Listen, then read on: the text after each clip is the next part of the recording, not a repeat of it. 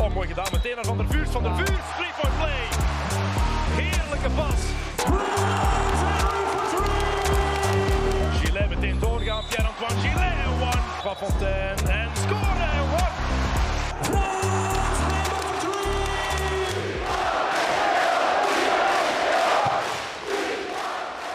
Welkom bij Man to Man, de podcast van Filio Oostende. En de gast vandaag is Haris Bratanovic. Welkom Haris.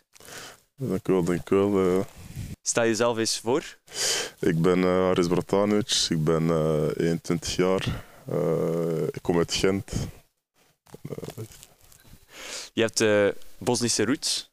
Ja, inderdaad. al, beide ouders van mij zijn van Bosnië. eh, zijn afkomstig van Bosnië. Ik ben hier geboren. Het komt, ze zijn naar hier gevlucht door de oorlog natuurlijk. Dus dat is de enige reden eigenlijk dat ik hier ben. Heb je daar nog familie wonen? Ik heb daar nog weinig familie wonen. Eh, de meeste familie is naar hier gevlucht. Oh, eh, niet gevlucht. Sommigen zijn gevlucht ook naar hier, maar sommigen zijn later gekomen. Vooral de zussen van mijn vader zijn wel later gekomen naar hier om werk te zoeken. En ah, dat is eigenlijk de main reason dat ze naar hier zijn gekomen om eh, werk te zoeken. Want de levensstijl daar is wat minder, is, het is moeilijker. verdient er weinig, niet zo'n goede toekomst.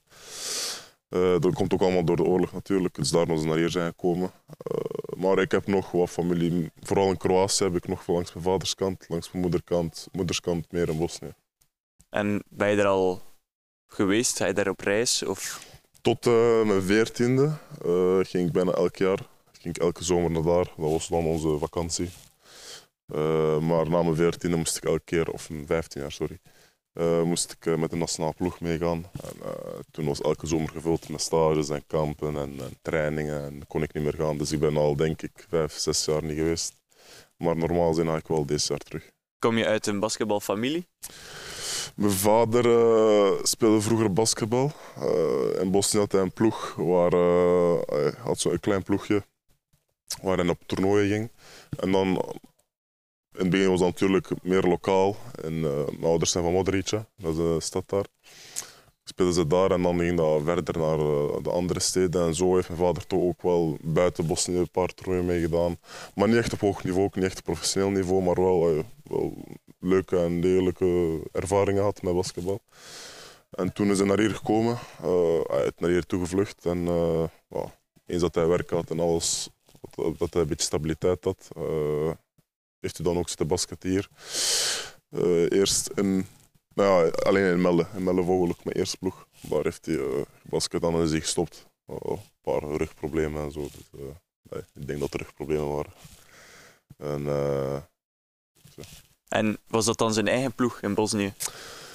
Zoals hij, het, zoals hij het heeft verteld, was inderdaad zijn eigen ploegje nu. Ik weet niet of dat echt van hem was, maar, eh, het, was, maar het was niet echt professioneel. Het was niet echt... eh, Een beetje meer onder vrienden of zo? ja, ik denk, denk het wel. Ja.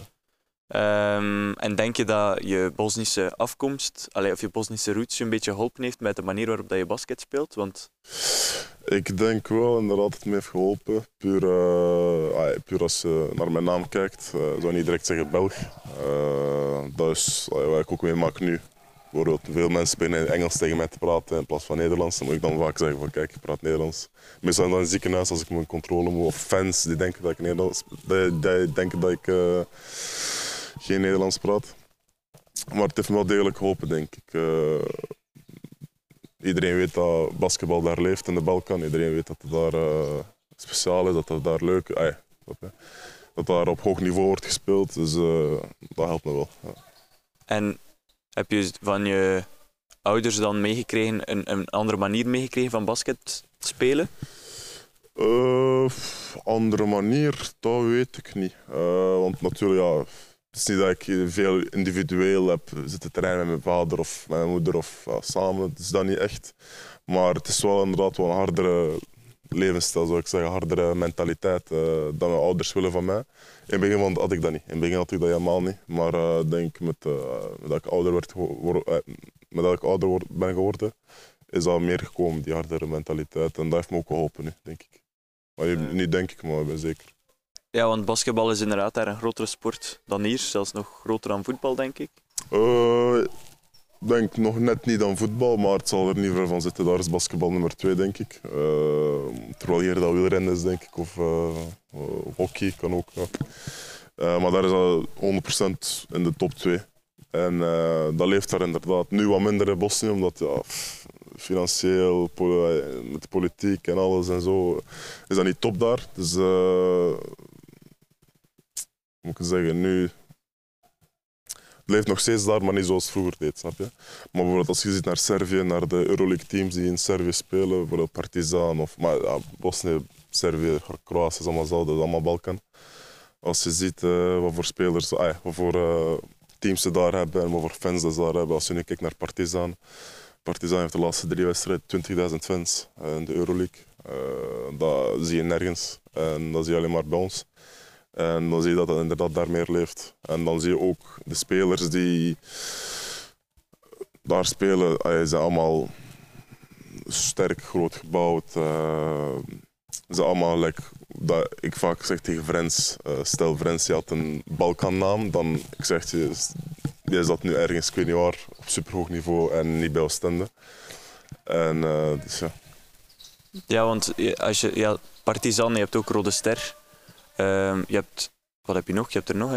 Um, je hebt er nog genoeg, maar dat zijn de twee die, die echt de, Euroleague, Euroleague spelen. spelen, ja, ja. Euroleague spelen. En dat zijn ook vooral Servische spelers die daar spelen. Dat zijn vooral Servische spelers, inderdaad. Maar natuurlijk, Servië is denk best in, uh, in de Balkan qua, qua basket. En uh, dat zie je ook in de NBA. Nikola Jokic is MVP al twee jaar op rij, waarschijnlijk nu drie jaar. Uh, zijn inderdaad Servisch, maar je hebt overal wel het is denk ik eerst Servië en dan op twee staat. Alhoewel, Kroatië heeft ook heel goede spelers. Het is te zien, het is moeilijk te, moeilijk te zien. Ja. Je hebt wel al als basketballer in, in Bosnië gespeeld. Vorig jaar met Oostende tegen Ikokea. Dat is de bekendste Bosnische ploeg, denk ik. Ik uh, denk op het moment wel. Ik denk dat zij op het moment uh, hoogste spelen. Uh, op hoogste niveau in Bosnië. Uh, ik volg het nu niet echt. Nu de laatste paar jaar volg ik niet echt wat er in Bosnië gebeurt qua basketbal. Want ik zeg, het is niet zo top daar. Het, is niet zo, uh, het gaat niet goed. Uh, maar inderdaad, ja, IOKA is inderdaad een van de betere teams. En het is leuk om daar nog kinderen in Bosnië te gaan, om daar te spelen. Snap je? je ziet je eigen volk nog eens. Je ziet, je ziet Bosnië nog eens. Ben al lang niet geweest. Dat was de eerste keer ook een jaar dat ik ben geweest in Bosnië. Misschien een idee dat waar ik graag naartoe zou gaan. Want uh, natuurlijk, Bosnië is opge opgesplitst in, uh, in twee, twee delen. Je hebt de Federatie van Bosnië, je hebt de Republiek van Servië. Maar daar ga ik niet echt op ingaan, want uh, ik ben te jong daarvoor. Ik weet daar niet genoeg, voor, niet genoeg van en dit en dat. Maar het was wel inderdaad leuk om nog eens naar Bosnië te gaan. Ja, want Igokea dat ligt in de Servische Republiek. Ja, maar mijn stad waar, ik ben geboren, ah, waar mijn ouders zijn geboren, ligt er ook, snap je? Ligt ook in de Republiek van Servië, maar het is nog steeds anders. Ja, want zij zijn christen of protestant en jij bent moslim, hè? Ja, ik ben moslim, inderdaad. Zij zijn... Uh... Dus ze zijn, ja, Serviërs zijn normaal gezien, denk ik, uh, orthodoxe. Ah ja, ja, ja. Dat zal het zijn. En, uh, maar het kan zijn dat ze christen zijn, kan zijn sommige moslims. Ja. Dus ja. En ja, jij bent moslim, dus je bent nu midden in de ramadan. Ja. Hoe is dat als topsporter? Het is niet gemakkelijk natuurlijk, maar als moslim zijnde wil je het doen, wil ik het goed doen, uh, wil ik het ook volledig doen. Dat is mijn doel. Uh, nu gaat dat lukken, denk ik. Uh, de volledige Ramadan meedoen, want ik ben geblesseerd. Waarschijnlijk nog een drietal weken, dus het is al een week of twee, bijna twee weken bezig de Ramadan. dus ik ga de volledige Ramadan waarschijnlijk niet meedoen. Dat helpt me ook natuurlijk dat ik, niet, dat ik een beetje fit blijf, 100% met trainingen. Uh, maar het is niet gemakkelijk. Vorig, vorig jaar deed ik het met trainen, twee keer per dag of één keer per dag ook uh, op het veld. En dat is wat meer intensief. Dan heb je een paar dagen dat je naar huis gaat of dat een paar dagen dat je na een training helemaal bleek bent, dat je bubbert. Uh, maar ja, dat, dat hoort erbij natuurlijk en dat is geen, voor ons is dat geen uitzondering. als sporter daar gaan we dat niet meedoen of dagen skippen om dan later in te halen. Dat geldt niet als topsporter. Dus uh, het is niet gemakkelijk, maar ik doe het graag. Je hebt het recht voor over ook. Oh ja, 100 procent. Uh, moet ik het zeggen, ja. Uh, dat is wat onze God van ons wil, dus ik ga, dat, dat is wat ik wil doen dan ook. Kijk je uit dan naar dat suikerfeest? Dat is inderdaad een van de leukste dingen dat er zijn. Suikerfeest en offerfeest, inderdaad. Maar eh, het leukste tijdens de Ramadan is dat je terug familie. je bent meer met familie. eh, je ziet ook meer vrienden die zich meer focussen. de vrienden, vrienden die moslim zijn, die zich meer focussen dan op de islam. En dat, dat, dat is iets wat, wat, de, wat het doel is van Ramadan, snap je? Dichter bij God komen, dichter bij doen wat je eigenlijk moet doen. En eh, dat is ook goed voor mij, want ik doe naast de Ramadan doe ik niet elke dag hetzelfde, snap je? Ik doe niet elke dag wat ik doe tijdens de Ramadan de andere maanden. Terwijl, dat, terwijl ik dat wel zou moeten doen. Maar de Ramadan is echt de periode dat je echt je best moet doen. Sommige mensen zeggen dan dat dat hypocriet is. Dat, je, kijk, waarom doe je alleen maar tijdens de Ramadan dit en dat? Maar ik zeg tegen al mijn vrienden nu, ook hier eh, bij de basket, alles, elk stukje, elk klein stukje dat je beter doet, dat helpt je. En dat is goed in de ogen van God.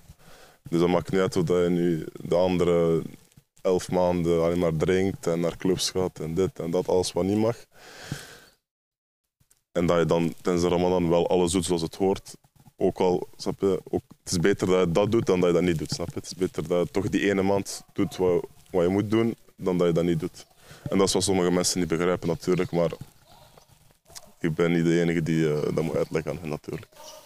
Merk je dan ook, want je, je staat dan waarschijnlijk ook s'nachts op om te Ja. eten. Inderdaad. Is dat dan ook, ehm, weegt dat dan nog zwaarder omdat je dan iets minder, allee, een, een- groter slaaptekort of iets minder slaapt? Eh, ik ga natuurlijk wel vroeger gaan slapen, want eh, ik moet bijvoorbeeld vandaag moest ik, eh, als ik niet verkeerd ben, sla, stoppen met eten rond 5 uur 20.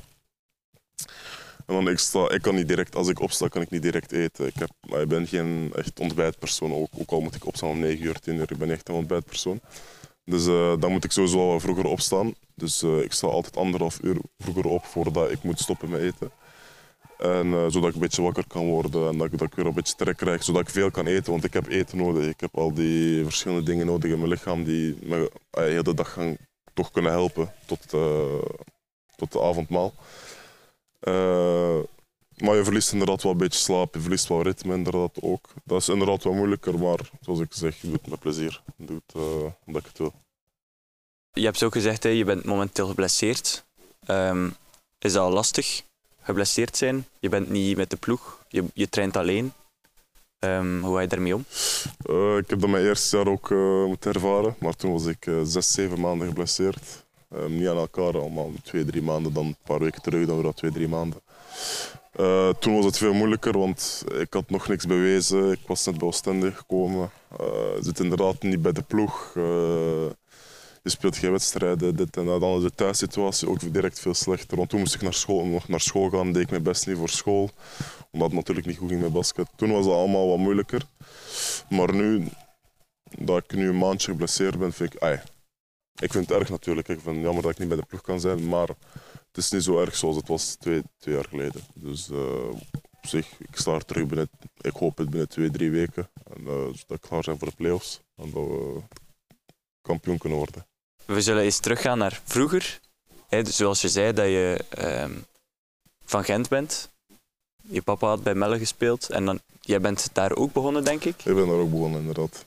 En dan ben je naar Gent Oost Eagles, of is dat dezelfde ploeg? Nee, Gent Ostigels is nu Melle met, eh, als ik niet verkeerd ben, Destelbergen. Dat is nu samen. Dus ik, maar ik was er nooit wanneer... eh, het was altijd Melle Vogel bij mij. Ja, en dan ben je naar Falco Gent Toen ben gegaan. ik naar Falco gegaan, ja. Dat, is, dat was toen tweede klas, denk ik. Derde klas was het. Ah ja. Derde klas. Eh, en toen ben je naar Barcelona gegaan. Ja. Vertel daar eens over. Over Barcelona? Of Ja. over het begin? Over, ja, over beide? Over...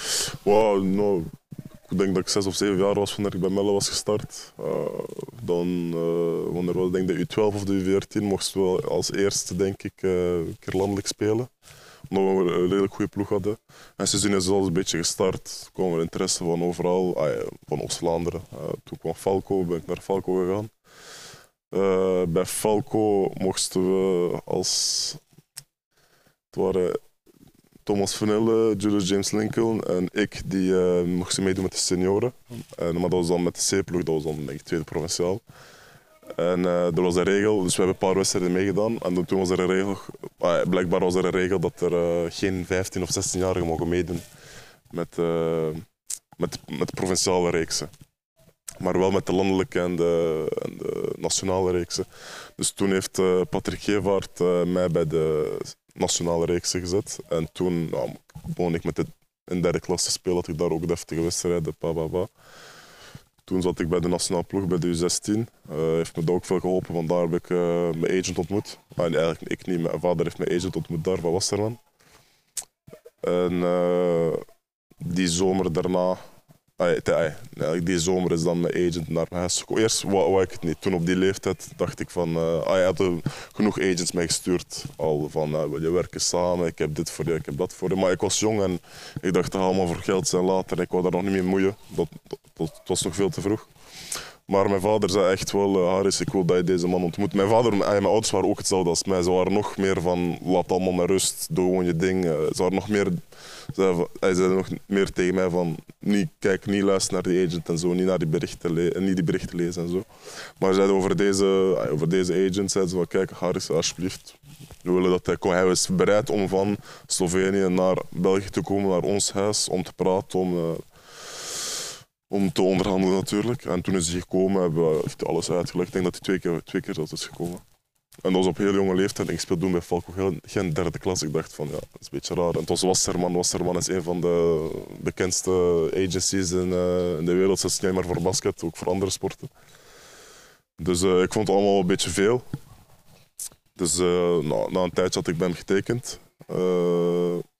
en toen kwam er meer interesse van ben, bijna elke Belgische club. Iedereen is wel gewoon mijn voorstel.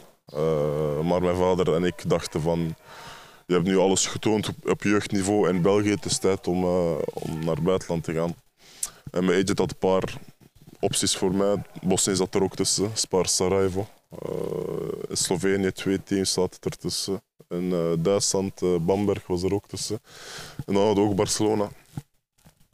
Ik wou eigenlijk eerst na alle... Dus we zijn naar elke ploeg gegaan. We hebben bij elke ploeg een workout gehad. Uh, dat is ook wat mijn agent allemaal had geregeld. Dat is ook eigenlijk de...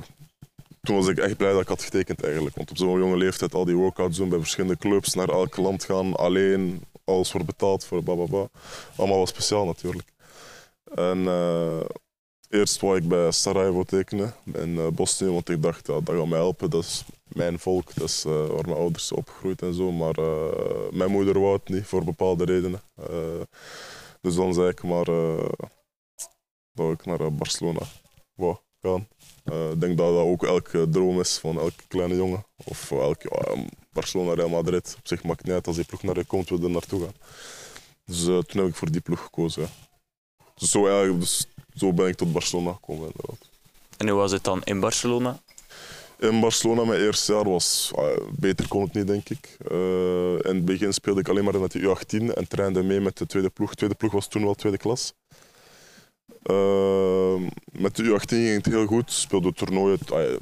Je, hoort, je ziet die toernooien op Instagram als je, eh, als je een paar Spaanse vrienden hebt of een paar Spaanse spelers kent van een paar toernooien in het buitenland.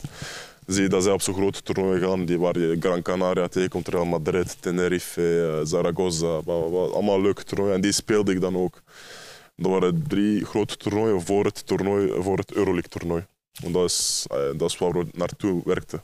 En dat was denk ik eh, midden, midden december of eind december was het Euroleague toernooi. En uh, alles ging goed. Euroleague toernooi had ik ook denk ik 18 punten gemiddeld, 9 rebounds gemiddeld. Ik weet niet hoeveel assists, 2 denk ik. Dus allemaal top en wel. En toen mocht ik meedoen met de tweede ploeg. Vanaf toen was het alleen maar met de tweede ploeg. Uh, de coach was blij met mij, dus ik kreeg mijn kansen. Ik speelde toen, maar ik was maar 18 jaar, dus op zich, ik speelde toen 8 minuten, 10 minuten max tot, einde, tot de laatste twee maanden. En de laatste twee maanden kreeg ik zelfs 10, 15 minuten, wat redelijk veel is. Dus ik dacht, is goed, op naar volgend seizoen, want we waren gedegradeerd. Op zich, natuurlijk maakt me wel uit, maar voor mij op jonge leeftijd maakt niet uit, nu derde of tweede klas, ik moet gewoon mezelf tonen. Dus ik dacht, oké, okay, is goed, derde klas betekent waarschijnlijk nog meer kansen voor mij. En uh, ik kom aan in Barcelona en de eerste, paar ma de eerste twee maanden ging het normaal. Niet echt wat ik, ik had verwacht, maar oké ja. Ik kon inderdaad veel beter spelen, maar na die twee maanden was ik geblesseerd geraakt. En sindsdien heb ik, uh, denk ik, wanneer was het? In november ben ik dan teruggekomen, midden november. En sindsdien heb ik geen enkele wedstrijd meer gespeeld. Misschien of één of twee wedstrijden, nog een paar minuten gemaakt. En daarna niet meer gespeeld. Ging ik naar eh, de nationale ploeg. Eh, werd ik toch eh, geselecteerd voor de nationale ploeg. Dat was in februari, dacht ik. Dus tussen die periode november en februari had ik nul minuten gemaakt, bijna nul minuten gemaakt. Na een paar wedstrijden nul minuten gemaakt. En eh, ging ik naar, had ik dus mijn periode één week met nationale ploeg en kom ik terug. En toen, letterlijk, wanneer ik terug, terugkwam, zeiden ze van kijk Haris, we gaan je niet meer gebruiken dit seizoen. Ze hadden een andere big guy getekend die vier jaar ouder was dan mij, die kwam, van college kwam, die ze konden gebruiken. Ze zeiden van kijk, ja, we gaan hem nu gebruiken en jou gaan we buiten het team zetten, maar eh, je kan nog blijven voor volgend. Want ik had een contract, ik had een 3 plus 2 contract. Eh, dus ik kon nog volgend jaar blijven. Of ze konden me uitlenen, of het was contract eh, ontbinden en je mag doen wat je wilt. En eh, ja, ik direct naar mijn ouders gebeld, agent gebeld, zeggen dat ik weg wou. Wat eigenlijk een domme keuze was, want als ik drie jaar een Spaanse speler ben en drie jaar in Spanje speel, word ik een Spaanse speler en dan is veel makkelijker om een contract te krijgen en, eh, in, in Spanje natuurlijk. Maar bon, dat was wat ik wou doen. Ik denk ook dat dat de juiste... Het was een domme beslissing, maar ik denk toch wel de juiste beslissing nu. Dat je ziet dat ik nu speel, eh, of dit seizoen speel, nu bij Oostende. Ben ik heel tevreden. Eh, maar het was wel heel jammer dat ik daar weg moest. Natuurlijk, ik wou naar, bij de eerste ploeg komen, dit en dat. Maar het is niet gebeurd en wat doe je daar? Er zijn nog kansen om. Er zijn nog kansen, inderdaad. Dus eh, dat wil niet zeggen dat nu de laatste kans was om, om bij zo'n Nee, ploeg nee, te spelen. hè. 100%, niet, maar het is gewoon jammer, snap je? Want je dacht, eh, tenminste je contract uitdoen. Ik vond het jammer dat zo, eh, niet echt in ruzie, maar niet op, op goede manier is geëindigd, snap je? Het is toch, het is toch wel jammer. Met Spaanse speler dan bedoel je, zo, zoals je hier hebt in België, dat je een basketbal-Belg bent. Ja, Dus dat je dan Basketbal, ja. Ja, dat je dan bijvoorbeeld, ik weet niet hoe het in Spanje is, maar dat je in België een aantal Belgen op de bank moet hebben en dan tel je daarbij. Inderdaad, inderdaad. inderdaad. Zo zou, en zo zou het veel makkelijker zijn voor mij om in, eh, in Spanje te geraken. In de toekomst. Waar ligt je plafond, denk je? Uh, waar ligt mijn plafond? Ah, het ding is, eh, je kan, ik denk met mijn kwaliteiten en met mijn talenten, denk wel dat ik heel hoog kan geraken. Maar eh, ik heb een ploeg nodig die, die, die gelijk nu in Oostende, die, die me aanspeelt. Bijvoorbeeld, iedereen kent Frens, iedereen kent Kai, eh, iedereen kent hun speelstijl. Is niet score first speelstijl, is meer om te passen, meer om in team te spelen. En dat is wat ik nodig heb, snap je? Dus ik denk in welk team je mij ook zet, misschien nu niet, maar binnen een paar jaar wel, eh, denk ik dat ik elk team kan passen tot hoogste level. Dat is wat ik denk. Eh, nu, NBA is een ander verhaal. Ik praat nu alleen maar over Eu- Europa. Maar eh, zoals ik al zeg, zoals ik, ah zoals ik al zei, ik denk dat je mij overal in een ploeg kan zetten waar je mij aanspeelt, waar ik, waar je mij gebruikt. Snap je? Er zijn veel ploegen waar je als big guy gewoon rebounds moet pakken en screens moet zetten. Snap je? Ik ben niet zo. Ik zet heel vaak goede screens. Ik zet, heel vaak, ik zet, vaak, ik zet ook graag screens. Maar snap je, ik, ik ben een big guy die aangespeeld wordt. Ik ben niet de big guy die jou 15 rebounds in de wedstrijd gaat geven. Ik ben niet de big guy die voor jou eh, vier bloks gaat hebben of vijf bloks, snap je? Dus eh, als, een ding, als een team mij goed gebruikt hoe dat moet, dan denk ik binnen een paar jaar kan dat tot het hoogste. En het hoogste is natuurlijk Euroleague, maar we gaan zien binnen een paar jaar. Ik, ben, ik zeg nu dat ik nog niet klaar ben daarvoor, maar ik denk binnen een paar jaar dat dat wel zou kunnen. Ja. Is dat dan je persoonlijke doel? 100%. Euroleague is het persoonlijke doel. Dat is een heel moeilijk doel. Eh, er zijn veel goede spelers. Eh, veel goede spelers die ik ook zelfs persoonlijk ken. En eh, ik zeg, het is, het is een combinatie met hoe dat je speelt en hoeveel geluk dat je hebt, hoeveel, wat, voor je, wat je agent je voor je kan doen, wat voor contacten je hebt. Eh, dat is een mix van veel dingen. Dus eh we wel zien. Hè.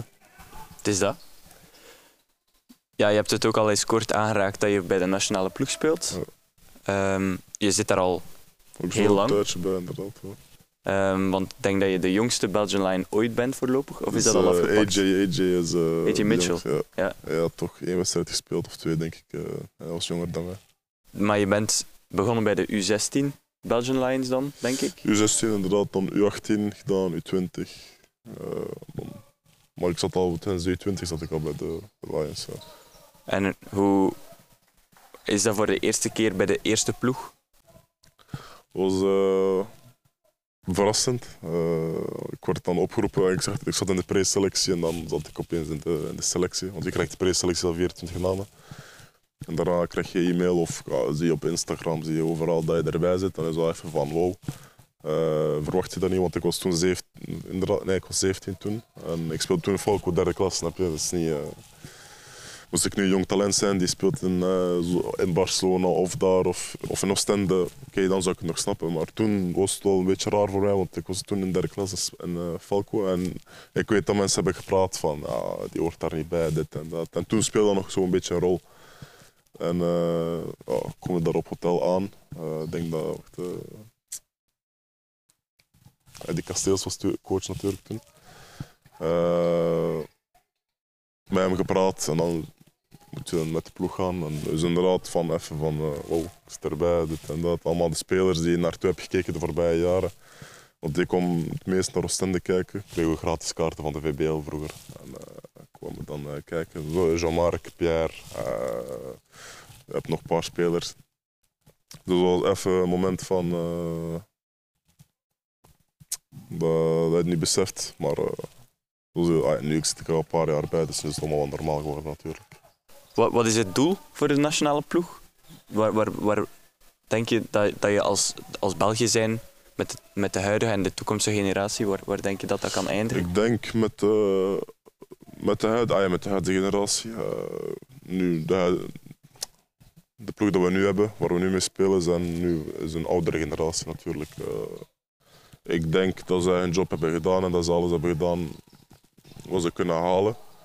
Eh, nu, inderdaad, vorige EK zijn we in de top, eh, het, top, top, zes- top 8 of top 16? Top 8. Ik denk top 8. Wacht. We zijn in de top 8 geraakt in Berlijn. Eh, wat heel speciaal was toen eruit tegen Slovenië. Eh, maar ik denk dat het nu aan ons, de nieuwe generatie, is om eh, nog beter te doen. om Nog, eh, en ik denk dat we dat ook wel kunnen. Ik denk uh, als je de jongens van de college pakt, uh, die nu in college, like Noel Coleman en uh, Toumani, camera. Als zij terugkomen uit college en denk zo spelers zoals mij en Vrens die erbij gaan zitten en dan met de ouderen zoals Retin en uh, Ismail, dat we wel een heel goed resultaat kunnen neerzetten. Dus uh, ik kijk er ook naar uit. En, ik denk dat het alleen maar beter gaat kunnen gaan. Kun je eens de tofste of, of de zotste match die je nog herinnert met de nationale ploeg? Voor mij, mijn zotste of tofste wedstrijd was natuurlijk op TK tegen Turkije. Was ik toen ingevallen. Uh, speelde niet zo'n goede wedstrijd. Uh, coach zette mij in. En toen had ik, dat was 15 punten en ik weet niet hoeveel rebounds, 6 rebounds, 7 rebounds denk ik. En als debuut en vond ik dat echt top.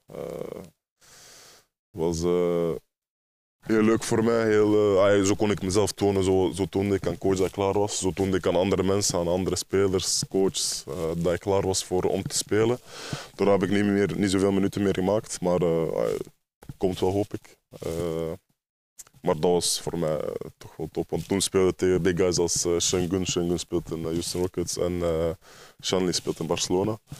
En als je dan iets kunt neerzetten tegen hun, een paar stats, of ja, stats, punten, rebounds, dan is dat wel leuk natuurlijk. En daar was ik wel blij om.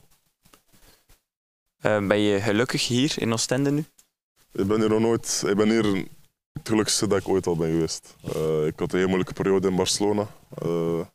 Snap je, je bent daar zonder familie, je bent ten eerste jong, 16, 17 jaar. Uh, als het slecht gaat, heb je niemand. Je komt thuis. Uh, ik zat toen met een Senegalese en een Argentijn in een appartement. Maar ja, wij komen op thuis en iedereen gaat naar zijn eigen kamer natuurlijk. Uh, als het slecht gaat, je, je, kan wel bellen, je kan maar is niet hetzelfde als er zijn. Snap je? Dus je had niemand. je kon ook moeilijk naar de stad gaan, want de stad was dan 20, 25 minuten trein. En je had ook niet echt, ik had ook niet echt vrienden daar. Buiten basket natuurlijk, mijn teammates waren mijn vrienden, maar ze hadden ook andere dingen. En toen was het echt moeilijk voor mij mentaal en vond ik het echt uh, heel moeilijk. En toen was ik naar hier gekomen en hier had, je, had ik dan alles weer al terug. Mijn vrienden van Gent ben ik, heb ik hier vrienden gemaakt in Oostende voor de voorbije jaren. Mijn familie natuurlijk, waar ik elke week naartoe ga, terug thuis. Kon ik, ga ik gaan eten soms, dit en dat. Of zij komen naar mij. Zij komen in mijn appartement slapen, mijn ouders. Mijn zus zie ik dan ook vaker en dit en dat. Dus ik ben hier super blij. En zeker als het nog goed gaat op het veld, gelijk dit jaar, dan eh, ben ik hier heel gelukkig. Heb je naast het basketbal andere hobby's? Naast basketbal, andere hobby's. Uh, Met Friends Call of Duty spelen of zo? Dat was voor Friends een nee, hobby? ja, Friends is, eh Friends is eh, ander niveau qua Call of Duty. Eh, nou, gamen doe ik inderdaad wel, maar dat is een periode bij mij gamen. Eh, in het begin van het jaar speel ik met mijn neef vaak Ultimate Team FIFA. Maar in het begin van het jaar is het allemaal leuker, hè, omdat iedereen erop zit. Maar daarna eh, gaat, ai, stopt iedereen met spelen. Dus nu speel ik al een tijdje meer. Maar hobby's heb ik niet echt. Ik ga vaak naar Gent, eh, omdat mijn vrienden daar zijn. Mijn neef eh, en zijn vrienden. Ik ben meer met hen in contact gekomen en zo, zijn we, zo zie ik hun vaker.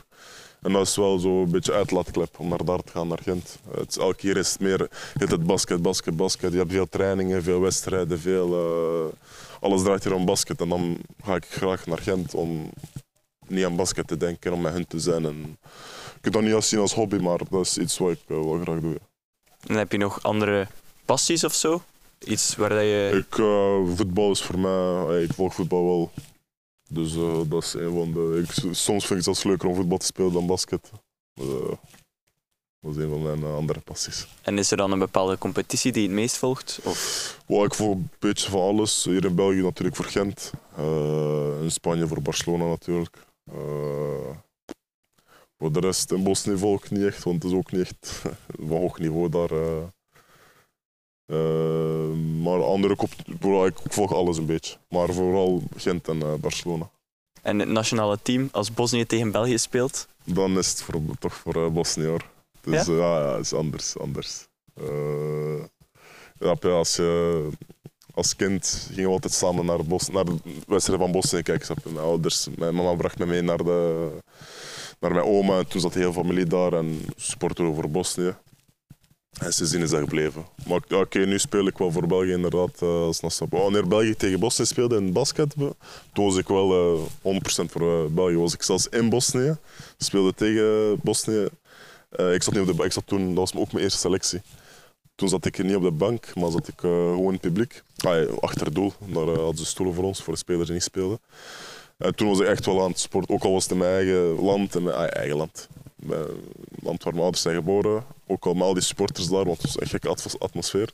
Was ik nog steeds voor eh, België aan het sporten. Wou ik echt dat we wonnen. Maar in voetbal ben ik 100% eh, voor Bosnië. 100%. Heb je nog een, eh, een boodschap voor de fans? Op het moment, eh wow, ik weet niet wanneer deze podcast gaat uitgezonden worden, op eh, Binnen eh, drie weken? drie weken.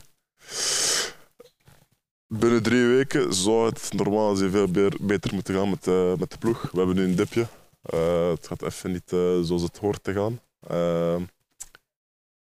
Maar ik kan wel zeggen dat we er alles aan doen dat we kampioen gaan worden. Dat we de resultaten gaan halen die we moeten halen. En dat is ons blijven moeten supporteren en moeten blijven komen naar onze wedstrijden, want dit jaar is het echt top. Eh, qua supporters, qua atmosfeer in de zaal. Ik denk beter dan, veel beter dan vorige jaren. Er komen veel mensen kijken, veel, meer eh, toeschouwers. Eh, en dat geeft ons een boost. Daarom dat we thuis veel beter spelen ook. Dus ik zou zeggen, deze supporters blijven komen. Ik blijf nog twee jaar, dus volgende twee jaar ook blijven komen alsjeblieft. Dat is het enige wat ik zou willen zeggen. Oké, dankjewel dat je op de podcast zou komen. Dus, eh, graag gedaan. En dan bedank ik alle luisteraars voor het luisteren. En jullie kunnen ons natuurlijk blijven volgen. Elke zondag is er een nieuwe aflevering. Eh, dus tot de volgende aflevering.